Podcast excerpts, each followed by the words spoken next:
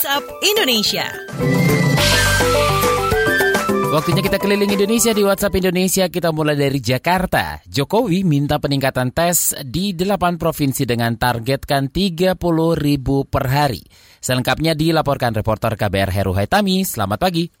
Selamat pagi, Presiden Joko Widodo menargetkan tes COVID-19 dengan metode PCR sebanyak 30 ribu per hari. Hal itu disampaikan Jokowi dalam rapat terbatas terkait evaluasi penanganan COVID-19 Senin kemarin di Istana Merdeka. Target itu diharapkan tercapai dengan penambahan jumlah laboratorium di daerah, termasuk penambahan mobile laboratorium PCR. Target penambahan tes COVID-19 itu menjadi bagian dari penanganan khusus supaya penularan tidak semakin meluas. Selain menambah tes COVID-19 atau uji spesimen dengan metode PCR kepada 8 provinsi yang mengalami lonjakan kasus baru, juga diingatkan Presiden untuk semakin menambah masifnya pelacakan atau tracing kontak, penelusuran orang dalam pemantauan atau ODP, dan pasien dalam pengawasan atau PDP harus digencarkan seiring persiapan lokasi isolasi yang baik, bukan saja untuk isolasi mandiri, tapi juga perawatannya. Demikian saya Herotami melaporkan untuk KBR. Masih dari Jakarta, akhir Juli Kemenko Perekonomian lanjutkan program Kartu Prakerja. Kita simak reporter KBR Mutia Kusuma Wardani. Selamat pagi. Selamat pagi, Kementerian Koordinator Bidang Perekonomian akan melanjutkan program Kartu Prakerja yang sempat ditunda karena memicu polemik.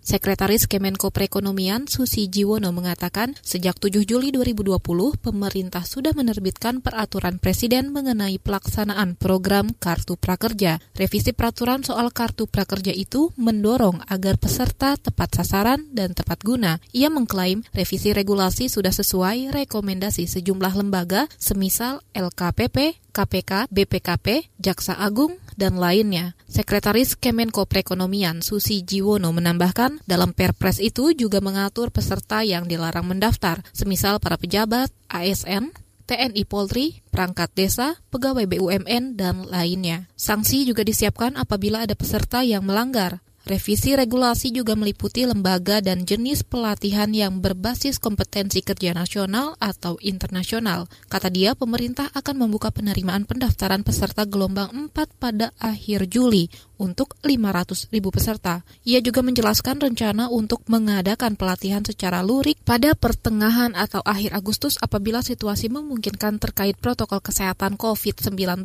Demikian saya Mutia Kusumawardani melaporkan untuk KBR.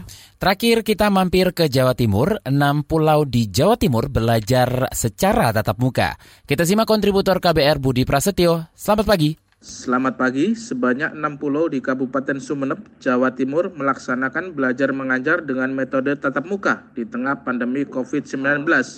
Menurut Kepala Dinas Pendidikan Jawa Timur, Wahid Wahyudi, kebijakan itu dilakukan karena di enam pulau itu tidak memiliki akses internet yang menjadi sarana untuk proses belajar melalui daring. Selain itu, enam pulau di Kabupaten Sumeneb disebut berstatus zona hijau COVID-19. Kepala Dinas Pendidikan Jawa Timur Wahid Wahyudi menambahkan, untuk kabupaten kota lainnya proses belajar mengajar tetap digelar melalui daring. Sebanyak 400 ribu lebih siswa jenjang SMA atau SMK negeri dan swasta di Jawa Timur mengikuti masa pengenalan lingkungan sekolah secara daring. Demikian saya Budi Prasetyo melaporkan untuk KBR.